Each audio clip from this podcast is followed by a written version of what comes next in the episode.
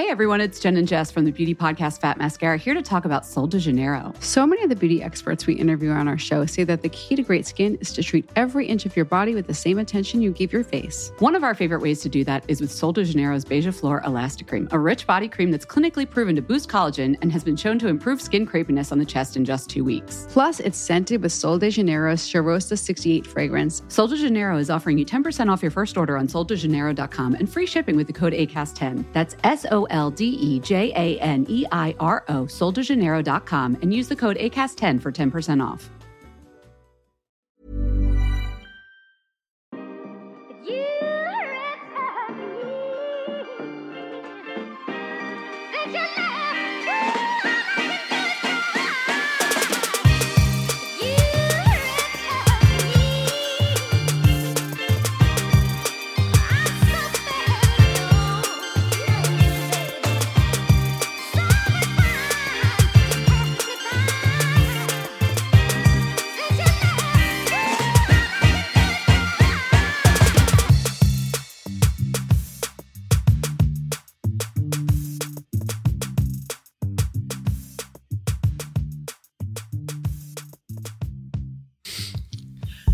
Hej, hallå, ni lyssnar på Okrystat med mig Asabia, lilla syster och barnmorska. Det var så jävla an. Åh, ni lyssnar på mig. Och Pokwa, sjuksköterska och doula. Det det. Och stora syster till mig. Och stora Och syster lilla syster till Elisabeth. Och Claes och Tom. Det stämmer. Mm, som ni inte vet någonting om. Men i alla fall, hur är läget Oppo? Jo, men det är bra. Jag, blev, jag känner mig uppiggad här av att komma in till dig som var så jävla bra humör. Det, Nej, jag har man undrar hur jag kommer vara imorgon. För att, Alltså, jag, jag känner, undrar hur jag kommer må imorgon, för det kan ju verkligen gå upp och ner. Men just nu ja, är det toppen. jätteskönt ändå. Härligt att se att du är så glad och så full av energi. Då kände jag också, det smittar ju av sig. Ja, Man verkligen. bara, oh, okej. Okay, let's do the damn thing. Let's do the damn thing. Shoutout Bachelor. Det är en tråkig sak att jag kollar liksom. Jag har kommit ut ur Bachelor. Efter Ah, tio du kollar år. inte på Golden heller? Uh, nej, liksom inte kommit porr? in i det. Porr? Ja, men Oh, jag Oppo skickade med en streaming-sida. Jag skickade, alltså det, var, det är så grov liksom, porr ja, man, som måste dyker vara, upp. man måste vara väldigt snabb. Alltså jag, Hela jag klickar ju bort innan jag hinner se någonting, tack och lov. Ja, men, men de kände- som du visade, jag kanske bara har varit för snabb, för att jag kände liksom inte igen de bilderna. Hon hade typ en buttplug i sig och liksom frontal cam. Och jag bara kände det här är Ja, inte det Jag försökte ha så här wholesome, mysig stund med Golden Bachelor, det är Bachelor för gamlingar. Lite äldre människor. Ja, Ja. Nej, men jag har inte riktigt kommit in i den. Jag såg inte förra säsongen uh, Bachelorette. Nej, och, så, och då har jag inte kommit in i Paradise. Det är Paradise nu. Ja, det kollar jag på. Det gör ingenting tycker jag. Nej, alltså, okej. Ah, det är ändå bara samma typ av personer. Alltså snälla rara. Ah, Okej, du var Okej. med i charity season, men alltså, när de väl har kommit ner, alla är bara åh oh, gud du är så snygg. Och sen börjar om. Liksom. Okej. Mm. Ja, men det är faktiskt tråkigt. Men Ja, jag, då kan du inte heller lyssna på Juliet. nej, jag vet. Nej, det, ja, okej. Det är mycket interna grejer här nu. Ja, det är mycket men, interna ja, grejer. Men, ehm, Okej, du kommer precis från jobbet eller? Ja, jag har haft brandutbildning idag och så har vi haft tråkigt. ett... eh, Det var faktiskt ganska kul. Ja, okej. Och fick alltså, släcka bränder. Um, Jag bara hatar med- sådana där grupparbeten. Eh, ja, vi var fem pers. Jag kände bara en utav dem. Eh, men han var bra, han var så, han var väldigt passionate. Det är kul med någon som Ja, det är verkar- jättekul. Han verkligen, eh, Brann no, verkligen no pun intended. Brann för Han eldsläckning. brann för eldsläckning och var väldigt noga med att säga att han fortfarande är aktiv brandman. Alltså Ah, det sa han. Det sa han vid många flera- gånger. vid Ja, ni flera håller inte bara på med sånt här Nej.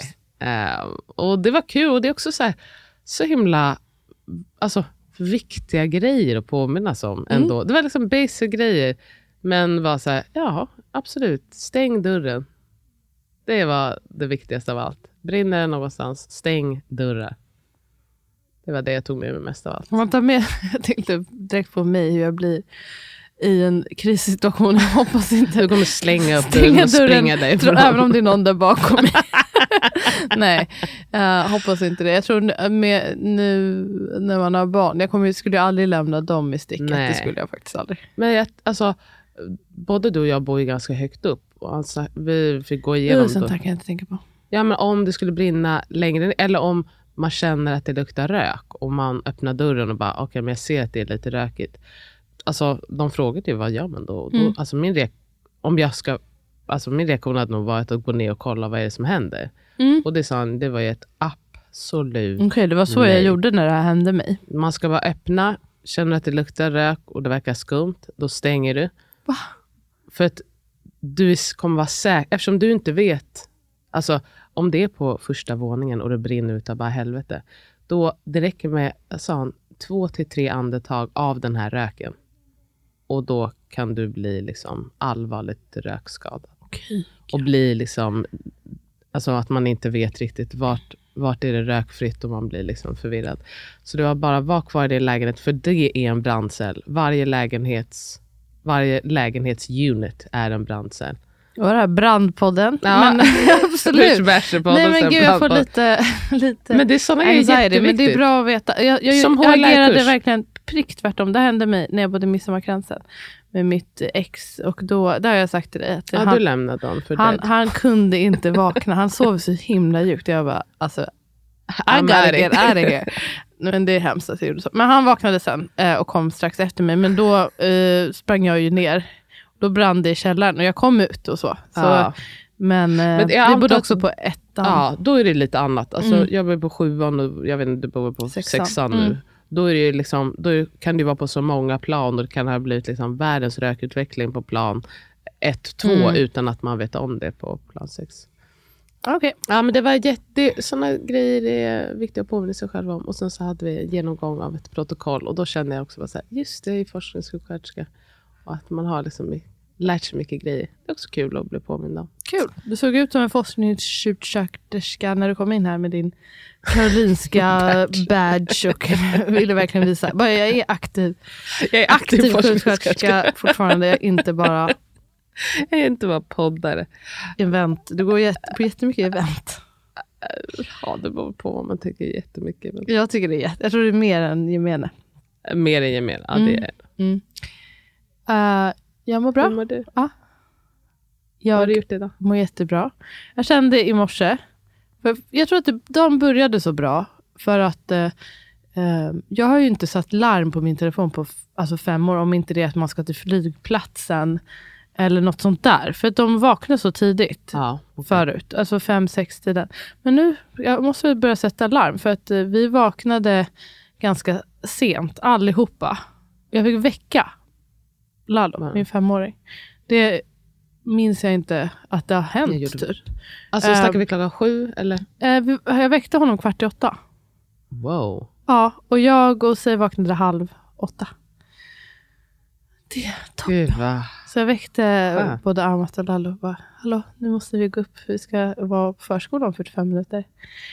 Jättenice, vaknade liksom utvilad. Det är väl det, kanske är det som gör att man Att är bara, glad. "High Ja, verkligen. Inte sovit på fem år. Ehm, så det var jätteskönt. Och så solen skiner. Ja, det är Det, underbart. det är underbart. Det ger Aj, mig aj, aj. otroligt mycket glädje. Och den det är skarp. Alltså det är liksom skarp himlen. sol. Rakt in i ens ögon. Ja, jag håller med. Och så kände jag eh, så här, du vet, det är eh, ett jätteprovocerande eh, quote eller affirmation. Folk blir provocerade av det. Men Mm. jag känner verkligen, I choose happiness. jag kommer vara glad idag. Ja, och eh, jag ska vara typ no matter what. Jag kommer se saker Det på den ljusa sidan. through. Med glädje. Alltså glaset är halvfullt idag, så kände jag verkligen. Så var det pep in my step. Haft lite mo- olika motgångar, men det har gått bra. det var water of a duck's back. Ja. Jag bara känner imorgon blir det gråtfest. Ja, vet du vad? Det var, Skitsamma. det var njuta nu Förra så länge det avsnittet då går. var jag sådär. Så var jag så trött så jag höll på att gråta. ja, men det är toppen. Sen så har jag varit hos barnmorskan. Eh, alltid mysigt. Vi skrev en liten sammanfattning. Som man gör vecka slutet här, vecka 35. Ehm, hade lite att säga ändå. Och eh, rent fysiskt är ju tipptopp Perfekt. än så länge. Jag är jätteglad för det. Jag, jag har ju lite så här... Vara glad för. Jag, jag, ja, jag, mitt blodsocker är något som jag tänker mycket på, för jag äter väldigt mycket sötsaker. och. Men det var i alla fall bra. Och bra tryck Nico. Och beb, den här bebisen ligger ju strålande där nere, ruckbar. Perfekt, kör på. Jag trodde verkligen den skulle-. Mm. Men eh, så jag kände bara topp. Kroppen är med mig. Allt är med mig. Så var jag och träna. Fick akupunktur och asskönt. Ja, men, Så kommer vad hit och träffar dig. Och så är det nedräkning nu. Sex dagar kvar och eh, fem pass kvar. Sen Sex dagar kvar. tills jag slutar jobba. Arb. På mottagning. Vad är det för datum då? Ehm, jag har min Mm. sista dag på måndag nästa vecka. Vad är det för datum? Jag vet inte, 30 oktober tror jag. Gud. okej. Vadå? Nej, jag var så här, det Du betyder då att jag har en vecka kvar bara ska vara klart. Boken. Jag tror onsdag är första. Ah, jag vill kräkas. Ah, ja, Det kommer kännas bra. toppen. Det kommer kännas så otroligt. Nice. Jag säger en målbild jag har. Ja, gör det. Eh, har du sett The Crown? Nej. Inte. Vad hemskt. Men eh, om du börjar se den så kan du catch up. Alltså det är en jättemysig serie. Den har jag sett helt själv. Alltså, det, jag, ja, det är härligt. Okej, ja, men det kan jag gott eh, Ja men se. alltså gör det. Och vilken ynnest att du har första säsongerna. Guld De är riktigt material. bra. Okej, Ja, jag vad tycker kul. det. Sen så blir det lite sämre på slutet. Men nu kommer sista säsongen och eh, Hon ska dö. Eller? ja, hon kommer dö. Antar jag. Ehm, eller ja, jag vet ju att hon kommer dö. dead. Diana. Um, 16 november. Då ska jag bara hänga i soffan, bingea, ha ett, ett spread av massa mat och bara gå mellan kök och soffa. Och du Gud, får jättegärna härligt. komma och kolla med mig. Gud, ja, men då måste jag ju ha kommit ikapp. Jag vet, så det är get step. Men man kan ju också hoppa in, alltså du vet ju liksom. Men man vill ju älska just- karaktärerna. Ja, det vill man faktiskt säga. Okej, Ja, ja, ja. men det lät jättehärligt. Vilken, uh, vilken mysig målbild. Mysigt att ha såna här delmålbilder. Verkligen. Alltså längs vägen Precis av som inte är livet. så svåra, det är om två veckor. Liksom. Ja, men Och det är verkligen. bara jag sett på tvn. Sätt på tv, Köp köp, mat. Var hemma. Ja. Du, Eh, när ska vi ha ett möte för ditt födelseteam? alltså, det är så mycket som också ska hända när jag är ledig. Till exempel det. Ja. Eh, min ena hembarnmorska är på Hawaii. Så när hon Oh. kommer hem så sätter vi ett datum, tänkte jag. Och eh, så börjar vi fundera. Jag börjar känna mig ganska laddad och det ska bli jätteroligt. Det kommer bli Ja. a blast. Det kommer bli en blast. Det kommer också vara jobbigt och svårt men jag tror att det kommer gå bra faktiskt. Det kommer, Jag tror det det. kommer gå asbra. Det känns så. Eh, Verkligen. eh, Alltså jag, jag är verkligen... Det kanske man ska inte vara så, men jag känner... Jag, du blir riktigt chockad om det inte går bra. fruktansvärt högt förtroende för dig. Och eh, vad du är kapabel till. Och alltså också att, alltså även att om du skulle känna att någonting känns bra, jag är också helt, helt eh, säker på att du kommer berätta för oss. Så att vi Ja, kan ja. också göra det vi behöver. Jag Alltså jag känner mig helt, eh, helt lugn. Alltså 100% ostressad. Ja, men kul. Eh, men jag, jag sa det, på, jag vet inte, du kollar aldrig på min Instagram stories, men jag sa det igår på Instagram att jag känner mig också, alltså nu orkar jag inte hålla på och prata hemfödsel så mycket. Nu ska vi prata här i podden, jag ska prata med dig Mm. faktiskt om så här, eh, akuta situationer. Så det, men I det här sammanhanget känns det fine, och typ med andra likasinnade vänner och sånt. Men ehm, så här, i debatt. andra, ja men typ jag fick fråga om, att vara med i en panel till exempel som verkade bra och så, som jag hade kunnat tacka ja läkar... till. Mm, precis. Ja, mm. Jag tipsade om. Ska Ja. du göra det? Nej, jag vill inte. Nej. Men ehm, eh, då tänkte jag bara på en sån sak att jag orkar absolut inte hålla på så här prata, alltså försvara mitt val eller någonting just nu. Eller ens lära någon eller förklara. Alltså jag kan absolut göra det i andra sammanhang, men jag känner just nu eh, det är inte min not where roll. Nej, det är Nej. inte alls where I'm at. Jag känner också att vet, man är så ganska mottaglig. Inte att jag, jag känner inte att jag är så lätt rubbad, men jag har ingen lust att ta in andras rädslor och sånt. Jag, jag skrev till både Märta och Rakel. De har ju varit i olika sammanhang nu i och med den här eh, dokumentären, Min vilda graviditet eller vad den heter. Ja, jag har inte sett den. Jag har inte är sett det, heller, för Vad heter det? Ja, Rakel ja. Mm, det, Mm. hon, det alltså handlar om henne eller? Jag tror det. Jag har faktiskt inte sett den heller. Och av samma anledning, typ att jag såg några klipp från intervjun med henne i Nyhetsmorgon. Jag blev också så här matt typ. Alltså jag, jag blev matt å hennes vägnar. Men hon skrev också det, att hon bara, under graviditeten, jag hade aldrig orkat det här. Eller, alltså jag har, men nu känner jag att, säg vad ni vill till mig. Alltså man kan ta det på ett helt annat sätt. Och jag, jag ser fram emot att komma tillbaka med mer glöd och Ja, anda. visst. men nu, Var sak har sin tid. Mm. Så är det verkligen. Bra att du lyssnar på det. Klokt. tack gud. Jag känner mig, nu pratar jag för mycket. Inte alls. Käften, Inte alltså. alls. Jag är bara jätteglad. Nästa vecka är jag depressed again. Nej, Ehm, det vet vi inte. om det är vissa som kanske gillar den sidan av mig mer. Okej, de kanske borde blicka inåt och fråga sig varför. Ja, men, eh, det är jättehärligt att prata om hur glad det är, men vi ska också prata om någonting som inte är något att glädjas över, kan jag inte påstå. Ja, alltså det är väl... Det är inget att glädjas Nej, över. det är inget att Det är det glädjas över. Men det, man kan ju verkligen sätta... Det verkar som att man kan lägga fram vilket motion man vill i. Eller jag vet inte vad det är Men- för regleringar kring det där. Vi pratar om, ni kanske har sett eh, att eh, en riksdagsledamot som heter Joar Forsell från Liberalerna ehm, har lagt fram ett förslag där han vill ehm, att Sverige ska satsa mer på forskning om eh, artificiella livmödrar. Vi har ju pratat om det här lite tidigare. Ja, det har vi gjort. Men det- då var det artificiellt, då var det på döda. Ja, precis. Att man skulle... Det var typ donerade... Nej, det var att man skulle exakt gro ett embryo i en död persons livmoder. Eller en hjärndöd person då, så använder man kroppen då för att... Ja, det är ju typ... Det har också Båda grejerna Båda, är... båda grejerna är... Men eh, den har ju i alla fall... ehm, det kan finnas ett värde i att det är en levande kropp som med hjärtslag och så vidare. Jag tänker för barnets skull. Åtminstone för artificiella... Hjärtslag, jo precis. Ja, de, de är också... Det vet ju inte barnet, men de är också fake. Liksom. Alltså fake, ja precis. Men eh, ja. Eh, alltså de hade inte klarat det utan support, nej. Nej, precis. Men Alltså, så här säger i alla fall Joar. Naturlig graviditet. Graviditet. Förlåt. Jag ska vad är inte betona varje ord. Bitch. Men jag blir... Det känner jag redan.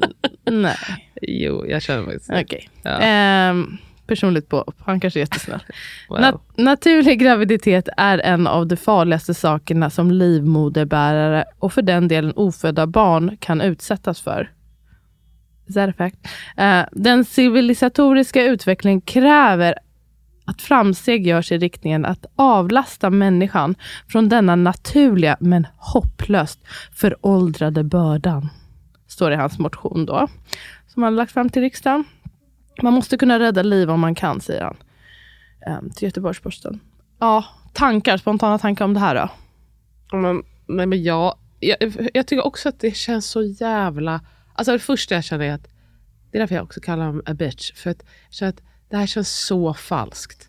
Det, du menar inte på allvar att du är så orolig för livmoderbärare och att du tänker att det här är vad som behöver göras för att skydda livmoderbärare framför allt. Det var någon som skrev till mig att eh, han verkar ha, att det är så uppenbart att han har varit med om något trauma.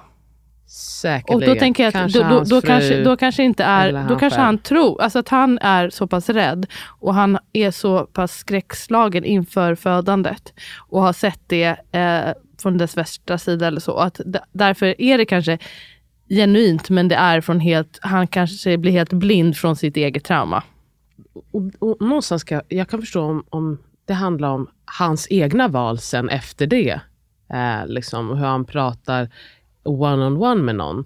Men att, gå, att ta sitt eget trauma och sen så lägga ut en motion som kommer påverka miljontals människor. Det är eh, delvis orimligt men också oetiskt. 100 procent. Eh, man kan inte utgå ifrån sin, sina egna trauman han och kanske sen inte, lägga han ut det kanske på alla. inte ser det men ja. Mm, Ja, det kanske du inte gör, men det är oetiskt ändå. Mm. ja det här, Du, du ju måste verkligen. ju bearbeta ditt eget. Och om du ska lägga fram ett sånt här förslag, ha, hur många kan han ha samtalat med som har olika perspektiv på det här? Alltså det, det kan inte ha varit särskilt många, för att många längs vägen borde ha sagt till honom att det här är ganska orimligt. Alltså, det här är inte vad livmoderbärare behöver i första hand för att vara säkra. Nej. Han hade ju inte behövt leta länge för att komma... Alltså, Om prata man bara med, tittar med folk som statistik. också, Alltså. det är statistik men också, jag tror de, i alla fall de, de som jag pratar med, då är inte det någon stor grund heller, men eh, de flesta ehm, de kvinnor jag har pratat med, också de barnmorskor, även när jag pratar med några förlossningsläkare, tycker att det här är ett orimligt förslag. Så det, det uppenbarligen finns det kritiker. Eh, sen så tror jag inte att den här, att det kommer bära särskilt mycket frukt, men det är ändå talande för vår syn 100 på procent. kvinnor och barn. Och det här är ju på något sätt en eh, extrem, alltså det han säger innan, liksom, lägga, eh, innan han lägger fram själva förslaget är ju ändå det här med att det är så livsfarligt. Och, och det har man ju folk slänga sig med i tid och otid, att det är liksom det farligaste man kan göra. Det finns ju hur många liksom, olika debattartiklar som helst som börjar med det. Att så här, det här är så barbariskt och, och därför säger man liksom att ja, det är klart att alla borde ha epidural eller alla borde köra kejsarsnitt eller alla borde något annat för att det är så farligt. Då. Mm. Därför borde ingen föda hemma för att det är så jävla farligt. Och, alltså, så jag menar, så argumenten han använder är ju liksom vanligt använda argument. Ja. Sen vad han kommer fram till är lösningen. Det är det som är på något sätt ännu extremare. Ja, precis. Alltså det här med att det är det farligaste man kan utsättas för, det är också något som har, liksom, eh, som har blivit vissa sanning utan att det finns någon grund direkt. Alltså, det är, stämmer inte, i alla fall inte eh, för oss som bor här i Sverige. Det finns många Det saker fal- eh, Alltså, som då är skulle bra det mycket inte farligare. vara 10 miljarder människor. Om det var det farligaste vi kunde utsätta oss för i livet. Alltså, jag menar, that doesn't even make any sense. Nej, precis.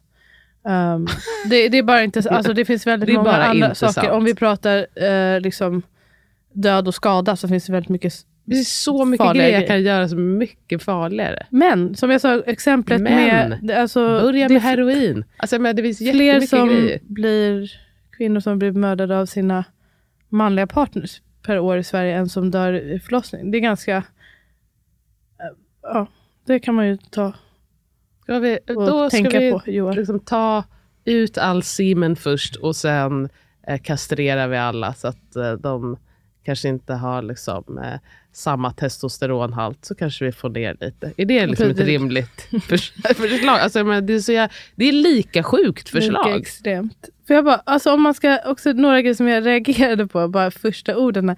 Alltså att det också är naturlig graviditet. Ja, vad menar jag med det? Det vet jag inte. Graviditet. Jag vet inte vad graviditet.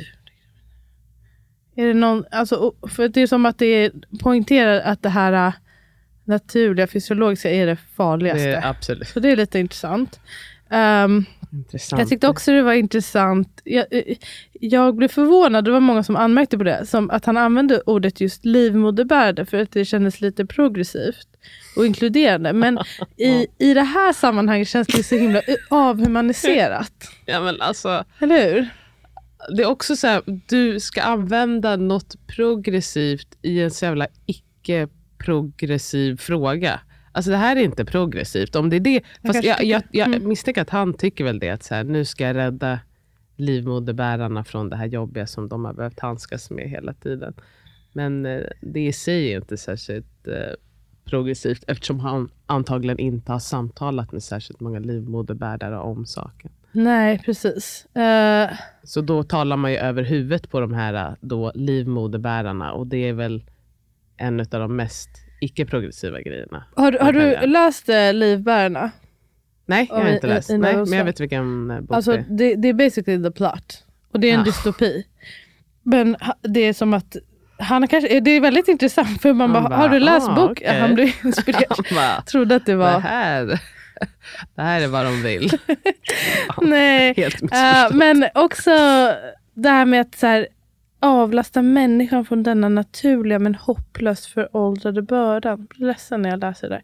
Att man också inte ser att Ja, Att han tror Vilken- också att alla ser som en börda och inte Ja. som en enorm blessing. en omvälvande, liksom, en portal till att bli förälder, en transformation för väldigt många. Och att För ett sätt, barnet. också många lär ju känna en del av sig som de inte Ja. ens visste fanns där. Mm. Man också öppnar ju upp det som vi pratar om nu, att du ska inte ta in andras. Att vara så här öppen. Så vitt jag vet finns det ingen annan tid i livet när man är öppen på det här sättet. Att man kan höra sin inre röst lika mycket. Att man kan ta till sig av andra, andras energi på samma sätt. Och det är också, kan ju vara jobbigt, men det kan också vara fantastiskt. Verkligen. Precis. Och att det här ska man också ta ifrån folk. Och också tänka, den här, just eh, om man bara tittar eh, rent fysiskt, att man pratar om att få den här livets oxytocindusch då ungefär en kvart efter. Det tar mig också bort ifrån några. Även fast min första födsel, det var mycket som var jobbigt, liksom. men lättnaden och det här, alltså att känna Buset. sig som att Mm. jag, jag skulle kunna göra vad som helst. Mm. Vad som helst. Den känslan var ju värd alltihopa. Mm. Liksom, hur tufft och jobbigt det än var. Att få känna sig som att jag är, jag är oövervinnlig. Alltså jag, jag gjorde den här människan och jag fick ut den här människan och här står vi båda två. Det är ju någonting man bär med sig hela sitt liv. Ja, och det tar Och man ifrån Från folk. väldigt många.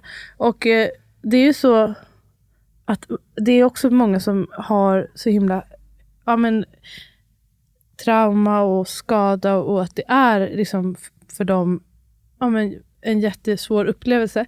Men det finns så mycket annat man hade kunnat fokusera på för att förhindra det. Alltså inte Ah. minst inom ja, men hur vi ser på och bemöter graviditet och födande. Alltså, att gå till den här väldiga extremen som också skulle vara otroligt kostsam. Det är exakt Eh, det jag tänkte säga. Det finns så mycket annat. Alltså börja inrikta forskning på kvinnor för det första. Alltså det är en väldigt liten skulle kunna del. vara en bra livmoderbärare. Ja, precis. Mm. Alltså, det är en väldigt liten del av forskningen som är inriktad på just här, kvinnorelaterade frågor. Det kan ju vara en bra början. Alltså, alltså, Konstruera vården det skulle utifrån... kosta alltså, hur mycket pengar och resurser som helst över flera, flera år. Också så här, kanske pytsa in det lite i förlossningsvården. Gör den säkrare, också, men också hur med graviditet och Utbildning. Ja. möjligheten till vila innan utbildning. Ja, det finns så att det, det, där känner man också bara så här, vänta, sakta i backarna. Det, det var några som skrev till mig när jag tog upp det här som var bara så här, men eh, kan det inte också vara värdefullt att man ändå så här vill ta det på allvar? Det är många som inte dels kan få barn själva, alltså då såg man det som, alltså, som en way to få ett barn. Men också typ för de som inte alls vill vara gravida. ehm, eller för många är det ju läskigt och är förenat med fara och så vidare. Dels tänker jag på det här, men det finns så mycket annat man kan göra före. Mm. Och sen så är det precis som, som surrogatmödraskapet. Ja, men på vems bekostnad? ja, Hur, till vilket pris? till vilket pris? Och vem säger hur det här skulle påverka ett ofött barn att inte få liksom, Leva i en annan leva och eh, växa i en annan kropp. Man vet ju själv, eh, det, det i alla fall för många så är det ändå att man har en anknytning redan i eh, det här stadiet. Och även om man själv inte känner den direkt så känner- märker man ju att barnet känner Exakt. den anknytningen. Mm. Och att få vara liksom i en pulserande, levande, rörande kropp där, som känner, har hormoner. så- Ja, du. Jag blir nästan Och ska man- ledsen. Alltså, ja och jag tänk, tänker på att den ligger där helt ensam. Då ska du börja livet i och ensamhet. då tänker de att man ska ha artificiella hjärtslag och Och artificiella det är ju, allting. du är ensam ändå. Alltså jag menar, Mm. Så det är ja, galet, lite galet förslag. Eh, börja om. ganska jättegalet. Jag tar gärna ett möte och säger mitt Efter graviditeten. Efter graviditeten kan jag prata med dig. Joar, if Ring you're mig i listening. februari.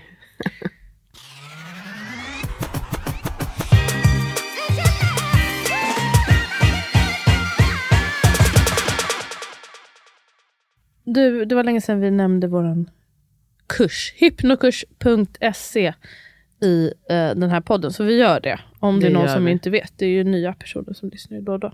Det är faktiskt en eh, jättebra kurs. Har du börjat lyssna eller? Jag har inte, men jag har liksom inte börjat med någonting. Allting ska ske i I november. november. Du tror att du ska vara ledig, Nej, men men du kommer ha fullt upp med Fullt olika med ledighetsgrejer. ja, nej men jag har också, jag känner att jag har ju eh, Du har the mycket basics, i mig. Men jag kommer att lyssna på den. Jag tycker också det är så trevligt att det är din röst. Ja, men fint. vet du vad jag kan göra? Det här var, ju inte, det här var ju faktiskt inte planerat. Men ska jag läsa en, en eh, liten recension som jag tyckte var trevlig? Det tycker jag verkligen du ska göra. Det här är alltså en förlossningsförberedande em, kurs och postpartumförberedande amning. Eh, Och också alltså, som är väldigt, alltså, kan vara gynnsam även under graviditeten. Jag vet inte hur Mm. man ska säga det alla gånger, men alltså, det är avslappningsövningar och att slappna av, att känna in sin kropp och liksom allt sånt där. Det är gynnsamt Även efter. efteråt, men Och också under. under graviditeten. Alltså Ja, det ja, kan, ja. Man kan göra för att det är skönt. Allting, inte bara med fokus på att du ska få ut barnet, utan även att liksom ta vara på den här tiden som gravid Ja, och få en stund att njuta av att vara. bra input. Ehm, och det här friskvårdsbidraget gäller Mm, ska vi säga. Och man kan precis. använda e-pass och... fel. Wellnet. Heter det så? Jag säger walnut. Jag tycker det var en bättre, bättre namn. Men det är nog wellnut. Ja, men ni Jag tror som de har som det har vet. det vet väl. Och jag tror det hette Epassi. Nu sitter Ja. E-Passi. Att- men också vi har lite problem just nu med Swedbank. Swedbank. eh, Så om ni har problem med köp så beror det därför. Men jag hoppas det löst snart. Man, Man kan, kan använda nog- ett annat kort. Exakt. Ska jag läsa den här eller inte? Det var- Oh, läs. Okej. Är det fint? Eh, ja, jag tycker det var ganska fint. Det var kul. Det var från en barnmorska som var bistod. Kul! Ja, Kul. jag måste bara dela med mig av positiv feedback kring er kurs ur mitt perspektiv som barnmorska. Bistod vid en sjukhusfödsel där paret skulle få sitt andra barn. Kvinnan hade en positiv förlossningsupplevelse med första barnet men hade ändå några saker som hon drömde om skulle förändras inför födsel nummer två. Hon ville föda i vatten, hon ville vara mer närvarande och själv ta emot sitt barn och hon ville lita på och lyssna på sin kropp i större utsträckning. En stor del av hennes förberedelse innefattade er kurs. Verkarna drog igång och hon kände det tydligt. Även om läget var hanterbart hemma så kände hon instinktivt när hon ville åka in till sjukhus. En undersökning gjordes enligt hennes eget önskemål och hon kom sen ner i poolen. På högtalarna lyssnade vi på era affirmationer och avslappningar. Efter cirka en och en halv timme så föddes, födde hon sitt andra barn. Handen instinktivt på huvudet under krystskedet och därefter tog hon emot sitt barn precis som hon önskat. En otroligt vacker födsel att ha fått bevittna och det var så tydligt hur starkt er kurs bidragit till både förberedelse och att födseln blev som hon drömt om. Även starkt när man som barnmorska även på sjukhus har rätt förutsättningar att ge familjen det stöd de önskar. Att jag börjar gråta. Ja, Jag hade vår också kurs är verkligen det. så vacker. Nej, men den är bra faktiskt. Ja, Ja, men fan vad f- alltså, ljuvligt. Ljuvligt att man har kunnat bidra till något sånt. Och hon frågade om det fanns, hon bara, det är fler och fler som går en kurs och som har gjort hypnobirthing och hon vill kunna hjälpa till mer och undrar om, om kursen skulle passa för barnmorskor att gå. Jag sa absolut. Eh, men också att vi kanske ska göra något för barnmorskor eh, lite längre fram. I november. Ska man- Exakt, jag skulle säga. Vi tar det i november när du är ledig. Nej, men sen i vår. Det skulle, det skulle vara något. Vi fick faktiskt, ehm, jag hade ju det här Sound of Birth och det fick vi också en fråga. Uh, barnmorskor som ville göra något liknande. Så det är roligt. Det skulle vara så kul att ta in också lite olika barnmorskor med sina erfarenheter. Mm, och höra lite få prata, ha lite prata. workshops, dela med sig. Alltså det hade varit Värdefullt. värdefullt Väldigt och värdefullt. så kul. Ja, det hade jag velat. Uh, Okej, vet du vad jag ville snacka om? Nej? Eh, för att i söndags så la jag upp en liten film från Midwife Angelina, shout out. Ja. Följer du eller? Ja, ja. Mm. så rolig. Eller det är kul att hon, hon är också en sån där som, hon hade typ så här 200 följare sist jag, eller när jag började följa henne så har hon nu 200 000. Mm, 600 000, eller något så här jättemycket. Men jag Ja. förstår det. Ehm, hon är i alla fall en barnmorska någonstans, kan det vara Atlanta eller någonting. Hembarnmorska och verkar ha väldigt mycket, många födslar, ibland har hon flera per dag, det verkar asjobbigt. Oh, Ehm, eller så här back to back verkligen. Hon verkar verkligen jobba på. Men hon visade en hemfödsel där det blev en eh, skulderdystosi. Just det, det såg jag. Får jag bara säga först att eh, om, om ni följer det här kontot, jag tycker det är ett bra konto att följa. Det är väldigt så här, verkligt och Filtrerat. ofiltrerat och fixat. Ibland har de lite R&B eller gospel eller någonting ovanför filmen. Men det är också eh, så himla ljust alltid, tycker jag. Ja. Eh, Och så här mycket som händer. Det är så, här, ja, så mycket folk. Det är någon tv på kanske. Det är framförallt väldigt ljust. Men Ja. de verkar kanske tycka att det det är mysigt. Ja, jag vet inte. Det ser ut som ett så här, amerikanskt hem. Alltså jag, jag tycker det ser jätteomysigt ut. Ja men verkligen så. Ja men hon visade i alla fall det.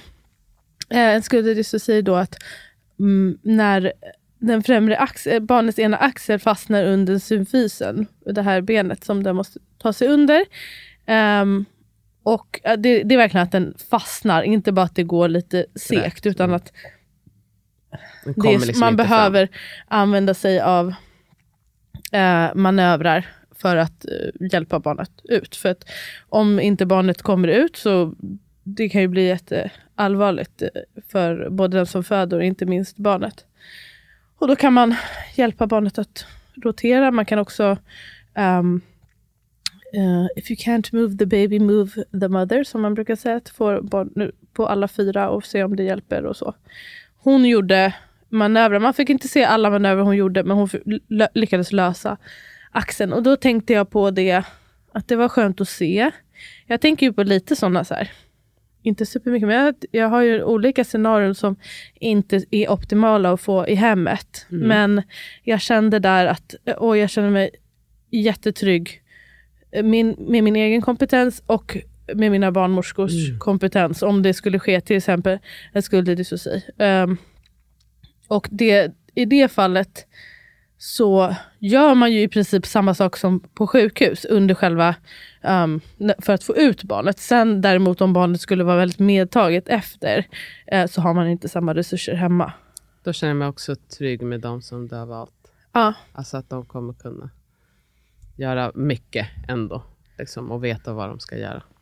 Ja, och det tog jag i alla fall upp och då fick jag lite frågor om det här, eh, folk som undrade över just så här, men vad gör man om sådana här akuta saker händer hemma? Det var någon som skrev om hon hade funderat på hemfödsel uh, med sitt andra barn, men eh, sen så blev det av olika anledningar sjukhus och allt hade gått så bra um, i början. Och sen när hon kom till sjukhuset, vattnet gick spontant, så blev det en navelsträngsprolaps och det blev lite så här akut läge typ, men det gick bra. Men barnet blev, togs till barnbordet och fick lite hjälp och då kände hon liksom vilken tur att jag var där. Och att, ja men lite hur jag tänker kring det. Så jag tänkte att vi kanske kan prata om några sådana, det är folk väldigt nyfikna på. Så här, vad gör man om det blir akut? Ja. Och man behöver kanske, jag vet inte, snittas eller göra Och med vård, helt enkelt. Ja, när man behöver höja vårdnivån och eh, Fort. fort också. Åh, nu kan jag inte andas, vänta. Jag ska bara sätta mig. Jag sa det, för, jag ska försöka andas tystare än i förra podden. Det var bättre. Ja, men har du, något, har du någon sån som du tänker, vad gör vi om det händer så här? Vet du vad det första jag tänkte på? Det var ehm, när jag och Amat var på det här mötet med Ann och eh, Amputerad och Mareta. Ja, precis när du, innan du skulle föda hemma sist. Mm. Och då, det jag kommer ihåg mest från den, eh, eller jag kommer ihåg flera grejer, men en sak jag kommer ihåg var just att någon frågade om det här akuta. Och då, jag kommer inte ihåg varför just det kom upp, men det var liksom om, om, eh, om det skulle bli en aortaneurysm. Jag vet inte varför just Ja, det exemplet kom. Mm. Men då var det också så här, när de pratade om det, alltså då att eh, den stora kroppspulsådern, att det skulle liksom gå hål på den och att blodet börjar sippra ut. Mm. Liksom, då får man ju en chock. Mm. Ehm, och även då, eh, hur Ann, hon var ju bara så här, alltså hon hade, hon hade såna svar. Hon var bara så här, det har inte hänt, men ehm, det har jag läst på och då gör man så här. Och då visade hon hur hon bara så här, tog, eller- ja precis, hon bara tog knytnäven Mm, rakt in. Ja, Mm, och då kände jag också in. bara så här, hon var så, även när hon skulle bara svara på den här frågan, det var inga betänkligheter. då kommer jag bara punch in the stomach, stoppa blodet. Jag Ringa håller kvar så. tills tills- exakt. Ja. Och då kände jag också bara så här, det finns ändå mycket grejer man kan göra eh, på plats. Eh, det finns, och också som gör att man liksom, ofta så har man ändå några minuter liksom, för att liksom, på sig innan ambulansen kommer och de kan också göra ännu mer. Ehm, skulle det vara något så allvarligt, ja men då kommer väl liksom akutbilen så att det är narkosläkare. Alltså jag menar, det finns ändå så mycket resurser som finns i närheten om det är så att man föder nära ett sjukhus. Alltså jag menar, det är ju inte alla som gör det, men eh, Nej. om vi, om vi använder de liksom vanliga liksom säkerhetskriterierna. Mm. Så jag tänker att det, det är inte som att säga, Åh, nu händer det hemma och då finns det ingenting man kan göra, utan det finns liksom många steg som till och med är innan man kommer till sjukhuset som man kan få hjälp med. Mm. Ehm, så det var det jag tänkte på spontant. Mm. Bra tanke, precis. Och det är det som också känns väldigt skönt med att ha två vana. Och Sepide nu, hon jobbar, som jag, min ena barnmorska, hon är ju ambulanssköterska eh, eh, Sköterska. sköterska nu också. Känns jättebra. Jättebra. Ja, eh, så det känns supertryggt. Jag var trygg med henne tidigare också. Men jag tänker på, dels kan man väl ha som grund att ehm, det är inte, det här säger vi hundra gånger, men jag säger det igen. Att när man möter vissa kriterier som jag till exempel möter med att vara frisk, ehm, Du och ditt barn. omföderska och mitt barn är också friskt och graviditeten har varit normal. Ehm, jag har dessutom två liksom, helt komplikationsfria uh, födslar bakom mig. Så är mina förutsättningar mycket goda.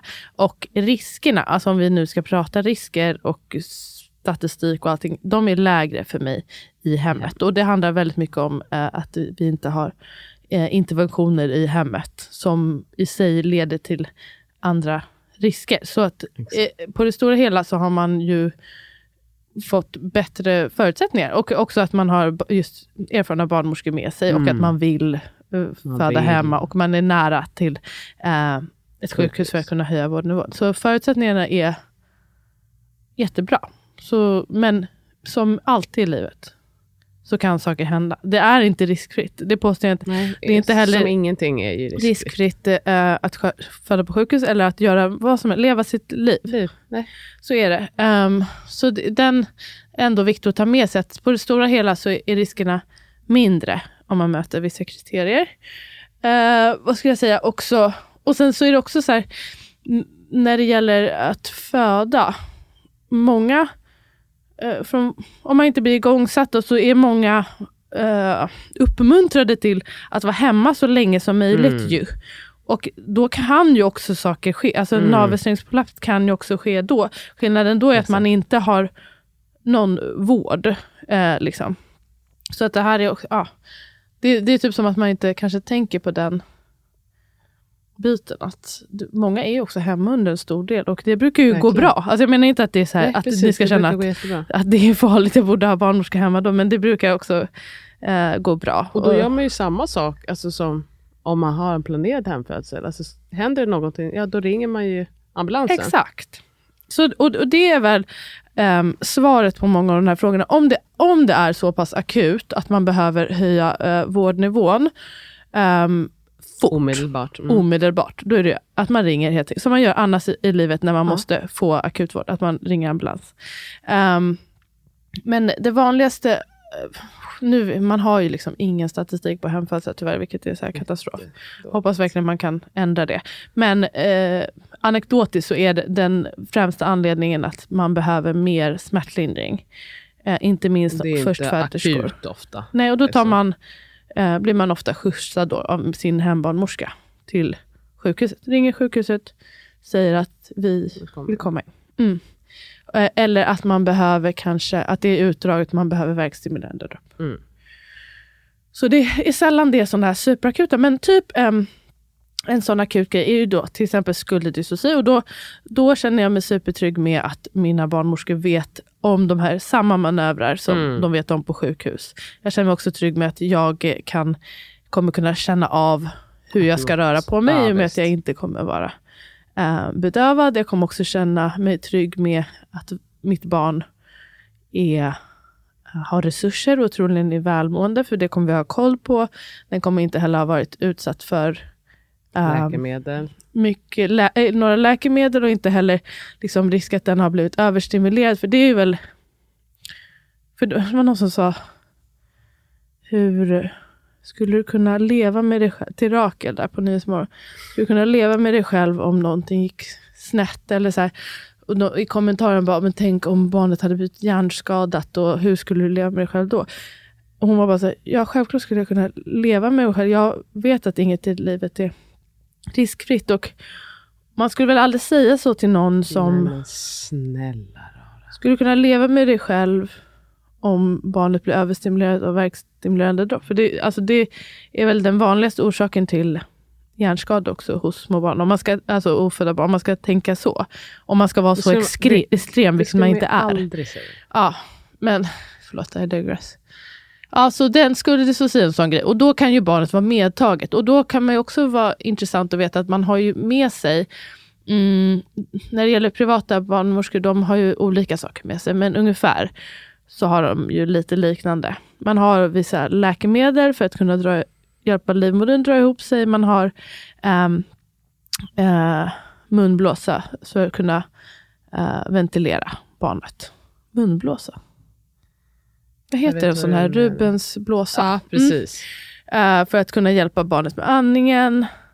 Eh, man har dropp och man har Så att massa man kan olika sätta grejer. nål. Ja, sätta, alltså, jag har gått igenom alla med Sabina, hon har aldrig använt någonting av det här. Nej. Eh, det kasserar och så skaffar vi nytt. Men vi har det ifall vi behöver det. Ja. Så det är inte heller att man är, i de flesta fall då, alltså kommer dit helt tomhänt. Det finns... Det är som en akutväska, alltså Ja. som man har. Ja, men som en akutväska helt enkelt. Mm.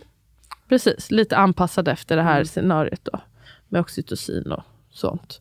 Så det finns det. Och sen så det andra är väl det här med navelsträngsprolaps. Och det betyder alltså att liv, ähm, livmodern, inte livmodern, äh, navelsträngen ähm, hamnar framför barnets huvud. Ehm, och kan klämmas åt. Alltså kommer ut före barnets huvud kommer ut om man säger. För Exakt. framför, ibland låter tycker jag att det Aha. låter som att den är vid pannan. Alltså, förstår du vad jag menar? Precis, alltså när barnet, barnet är inte ute än, men håller Nej. på att tränga ner och vattnet går och så eh, hamnar som ett snöre liksom framför och blir Ja. klämd. Eh, och då kan man, det här, risken för det är större om bebisen är, ligger högt och rörligt. Och det här är också något som man då ehm, kanske skulle få frågan av sin hembarnmorska innan, så att man vet om Mm. det också, ifall vattnet går. Det var ju som med mig. Ja, som med Mm. dig. Då visste du att om ditt vatten, Och då skulle jag ju ringa till, och det fick jag ju göra. ja, Och sen så kände jag ju att barnet rörde på sig. Och då kom vi fram till att det är okej. mm, ni gjorde en avvägning. En bedömning. Mm. Mm.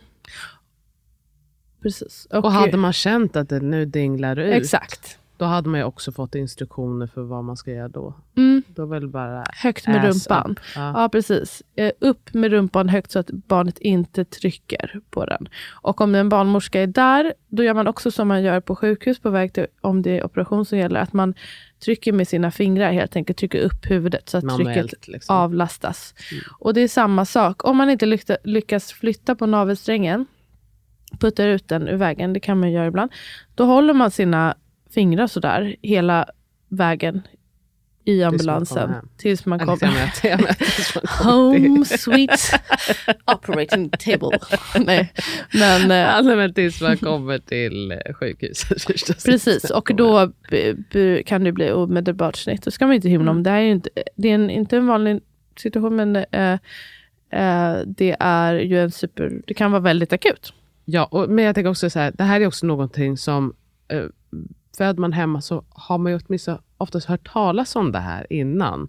Ehm, och, eller, och ja, men skulle vattnet gå, då ringer man ju sin hembarnmorska och de kommer ju fråga vissa frågor. Alltså, menar, det är inte som att det här kommer oftast helt out the blue. Man bara så här, "Oh, okej, då är I'm fending for myself. Nej. Utan när man ringer dem så kommer de väl ställa vissa frågor och de har lite koll. Så att liksom, Alltså men om det händer innan de kommer dit. Ja, precis. Och det är ju Som- och det är som det också kan hända vem som helst planerat helst. Ja, precis. Jag sjukhusfödsel. tänker bara att det, det är en, en fördel på ett sätt. Alltså att man har då en hembarnmorska som känner en. Och ofta så har man ju haft lite kontakt innan och de vet att barnet är högt upp, så de vet att de... Alltså att hör av dig när det är på gång. Och ja, men Då har man en sån direkt kontakt. Mm. Och att det kan vara, kännas också ganska säkert för en själv, om det är så att Mm. man planerar att föda hemma. Eller man har gjort en plan innan att du ringer helt enkelt till förlossningen. Och Precis. hör av dig för att göra en bedömning. Ehm, ja, så det är ett scenario. Och det som också är positivt med hemfödsel, när man tänker på den biten, att man inte generellt, jag ska inte tala för alla, jag vet att jag har förstått att vissa tar hål på hinnorna och amnutimerar även hemma. Men mina hembarnmorskor Ja, skulle säll- men inte det är göra det. väl med min barnmorska nästan alltid? Nej. Eller? Nej. Det är andra Det är också. det. Men eh, ehm, i alla fall de, de som jag anlitat skulle i första hand taget inte ta håll på hinnorna. Så att de brukar gå spontant lite senare när barnet har trängt ner oftast lite mer. mm. Och det, det tredje, I guess, van, eller det som man tänker skulle vara en akut, akut situation är ju blödning efter. Ja, Det blir någon atoni, att livmodern inte drar ihop sig eller eh, det kan också vara blödning från bristning eller så, men det, det vanligaste är väl att om livmodern inte drar ihop sig. Mm, där är också risken mindre för att det ska ske, har man ju sett i hemmet. Och det beror väl på ja, men allt det här som vi har sagt Lugn innan. Att man ro. inte, lugn och ro, optimal frisättning av kroppseget oxytocin i bästa fall. Ehm, att man inte har fått verkstimulerande dropp och då också har ett behov av det vidare. trött. Eh, ingen epidural och så vidare. Jag tänker Men också om det att skulle det ske. måste ju Mm. hjälpa att, alltså närvaron bara i sig, alltså att man är Tryggheten. där på plats och kan uppmärksamma i ett tidigare skede kanske att nej men nu går det inte åt rätt håll. Liksom. Eh, istället för att då, som jag varit med om, att man blir lämnad ensam och så, så bara, åh, det här känns konstigt. Liksom, ah, men ska jag ringa? Okej, men jag ringer på klockan och så, så tar det sju minuter innan de kommer och då är det någon som öppnar upp och bara, oj, oj, här är det jättemycket blod. Alltså i hemmet så är ju personen i närheten oftast i alla fall två timmar efter att barnet har kommit. Och man, det är inga sju minuter bort. Alltså känner man att oh, men nu rinner det på, då ropar man bara så är personen där inom fem sekunder Mm. istället för sju minuter. Mm, precis, och att man har en fördel eh, om det är så som det väl är. Inte alla, och inte, ja, men för många som har en privat barnmorska, att man har en relation Mm. sen innan. Och att det också skapar en trygghet förstås, att man 100%. känner varandra. Men hur man i alla fall agerar, då kan ju Dels att man kan hjälpa till att massera livmodern som man gör annars. Eh, dels att man kan ge förstärkt dropp som man har med sig, det här oxytocindroppet. Man kan eh, ge andra Alltså läkemedel. dropp eller menar du spruta? Va? Båda. Mm. Man, kan, man har med sig båda. Förstärkt, Okej. Eller man och man, alltså det är olika. Ja. Men min barnmorska har med sig det. Ehm, så det är läkemedel då och om, och om det liksom inte då går att stilla blödningar, alltså allting är verkligen spekulering. Då är det samma grej där. Då åker vi till sjukhuset om det är så här, du behöver få blod typ. Ja. Eller om det är värsta fall, det, det är så många scenarier, men då gör man en aortakompression på Ja. väg. Om det är så. En gång till så tar man bara knytnäven rakt i magen. Alltså man behöver inte göra det så här som att man boxar man- men man kan göra det långsamt, trycka ner så, långt. såg det så jävla... Det, och det är då inte behagligt, Nej, helt enkelt. men det kan är ju livs- absolut rädda liv. Exakt. En enkel manöver som kan rädda liv. Um, men som sagt, det är rent, det, risken för det är mindre. Så det är väl de... Har du någon annan sån där, så här, åh det här blir... Och det är också med barnet som sagt, om barnet inte... Det, det är väl det, att man inte har um, alla resurser. Om barnet skulle må mycket dåligt efteråt, Mm. eller att ha någon oupptäckt missbildning som gör att den mår dåligt, då, då är det också ambulans till sjukhuset. Och då, är, då är det, måste den till neo eller Och, jag menar, och så kan det ju vara. Alltså det finns ju ändå en del sjukhus som också inte har neo på Nej. sjukhuset. Nej, Jag precis. menar, och då får man förflytta sig. Exakt. Och, jag menar, och då har man också gjort en bedömning att ehm, det är så pass säkert att föda där och att vi kommer kunna ta oss till neo. Så menar, då blir det ju, alltså om du föder på Södertälje eller hemma, då blir risken lika stor för barnet om man säger för att Mm. få hjälp. Till Mm. exempel. Men, men att man också där har barnmorskorna i förhoppningsvis kunskap för att hjälpa ett barn som är lite medtaget också kunna göra en bedömning. Är det här någonting som behöver mer vård eller inte? Så Ja. kontentan är väl... För jag tänker att det, det är väl ganska vanligt just att folk bara, ah, men mitt barn blev taget till barnbordet så därför var det tur att jag inte födde hemma. Mm. Men menar, mycket av grejerna som görs på barnbordet kan ju också görs göras i sängen. med Ja. intakt navelsträngt. Ja, Absolut. Exakt. Och det är också viktigt, eh, tänker jag, för folk att komma ihåg. Och Verkligen. som sagt, om, om det inte går, ja då, då tar man det vidare. Så är det verkligen. Man har också en annan liksom, vad heter det, tids... Alltså man har inte tidsbegränsningar på samma sätt. Man har, kanske använder sig av andra metoder med att ä, prata med barnet, ha hud mot hud, låta det ta lite tid med omställningen och då Mm. kanske många gånger så blir det inget. Exakt. Eh, för det är ju barn. väldigt vanligt, alltså, eh, jag säga, ja men, kan, ja, jo, jag tror för min del i alla fall, 100% av gångerna barnet har tagits till barnbordet, ser de ju där inte mer än alltså, några minuter. Ja, Och okej, det- men ibland såklart kan det behövas ja, pappa Men och hjälp. Ja. Exakt, men jag menar bara att det, det är ju ganska vanligt. vanligt. att de går till barnbordet, men väl där så går det bra. av sig självt mer eller mindre så rycker de upp sig. Mm. Liksom. Mm. Det är ändå något att ha med. Det att ditt barn gick till barnbordet betyder inte att barnet var döende. Vilket också är, är ett bekymmer, att många tror just det. Att mitt barn gick till barnbordet och den liksom, hade inte kunnat klara sig. Mm. Ja, precis. Och, det, och många har liksom lite men efter det. och tappa tilltron till sig själv. Eller ja, För de, får precis. inte så, ja, de har inte kunnat uppfatta i alla fall informationen om varför barnet åkte, varför den fick komma tillbaka och sådär. Mm. Men så Mm. kontentan är väl det att eh, sak, det är inte riskfritt. Riskerna är dock låga om man ingår i vissa kriterier. Eh, det- mycket av det som gör det säkert är relationen man har till sin barnmorska, kunskapen barnmorskan har, kunskapen den födande själv har om Mm. sig själv och tilliten till eh, sig själv och närheten och möjligheten till att höja no- vårdnivån helt enkelt. Exakt. Och det finns liksom en plan. Man är fortfarande, alltså, man har ändå ett hantverk i att vara barnmorska. Och särskilt de som har då fått öva på att de är själva eller med en annan. Att man har inte allt det här andra runt omkring sig. De blir ju oftast väldigt skickliga Ja. på att hantera sådana här akuta situationer. Så det känns... 100%. Och Toppen. ens kliniska blick blir ju så Mm. jävla skärpt. Ja, det, Det- är ju en verkligen Ja. bra... Alltså, att det mycket går att förutspå. Ja, det är det. det, är, det är många grejer börjar, det går ju inte noll till hundra. Ofta så finns det ledtrådar på vägen om att det här går inte åt rätt håll och att man kan vidta åtgärder innan någon skada är skedd. Exakt. Nu tog jag ju lite grejer som var lite 0 till 100 och så här, Mm. som inte... Ja, det är väl de sakerna som kan gå väldigt fort om man inte märker. Men det allra mesta kan man som du säger. Men även en blödning, det är ju inte alltid det är 0 Nej, till 100 nej. heller. Och att Verkligen. man bara så här, ah, Men det kan gå fort. Det kan gå fort, det kan gå lite långsammare. Ehm, men jag tror att det, det är så mycket som kan undvikas av då att man har en person som har en relation till en, som är närvarande och som liksom ehm, också litar på sig själv. Alltså jag menar, det spelar också jättestor roll. Och har, Ehm, ja, precis. Lita på sig alltså att- själv. Och, lita på sin egen kontakten. kunskap och liksom att eh, lyssna på sin intuition. Mm. Jag tror att det, det är något som kan vara svårt på sjukhus. För att man tittar så mycket på olika parametrar och apparater. Att man, det kan vara svårt att veta vart kommer min intuition in i bilden. mm, Så man kan ha en känsla av att det här kanske inte är bra. Men så, så tittar man på någon siffra och den säger att ja, det är bra. Och vad ska man lita på? och just också när det inte är liksom...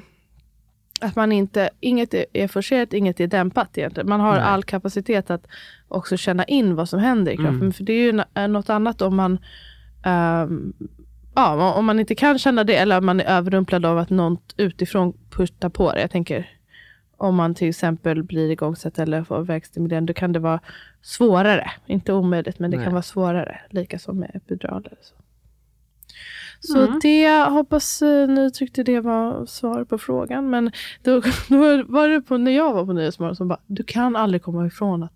Nej, det var när jag var i gympodden. Shoutout, jag tycker det är en bra podd. Hon bara, du kan aldrig komma ifrån att det, risken finns liksom, att det blir att det inte går bra. Typ.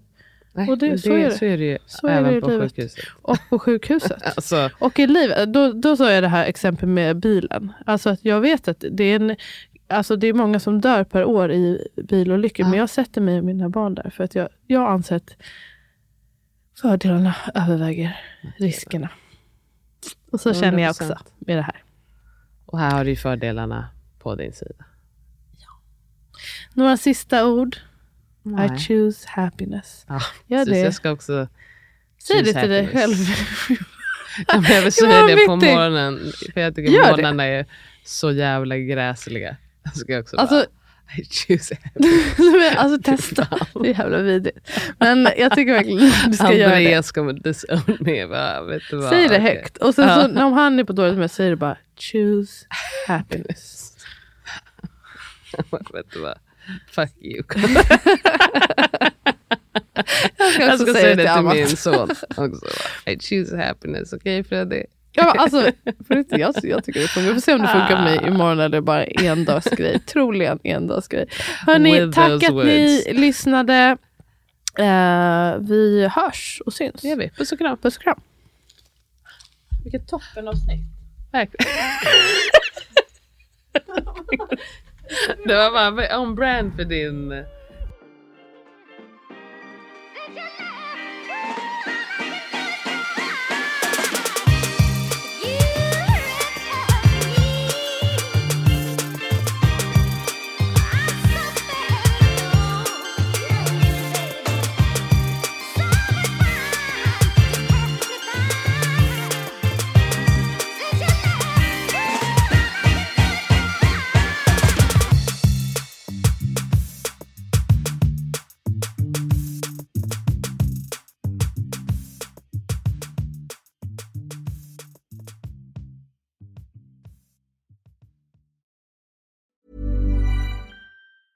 Hey everyone, it's Jen and Jess from the beauty podcast Fat Mascara here to talk about Sol de Janeiro. So many of the beauty experts we interview on our show say that the key to great skin is to treat every inch of your body with the same attention you give your face. One of our favorite ways to do that is with Sol de Janeiro's Beija Flor Elastic Cream, a rich body cream that's clinically proven to boost collagen and has been shown to improve skin crepiness on the chest in just two weeks. Plus, it's scented with Sol de Janeiro's Charosta 68 fragrance. Sol de Janeiro is offering you 10% off your first order on soldejaneiro.com and free shipping with the code ACAST10. That's S O L D E J A N E I R O, soldejaneiro.com, and use the code ACAST10 for 10% off.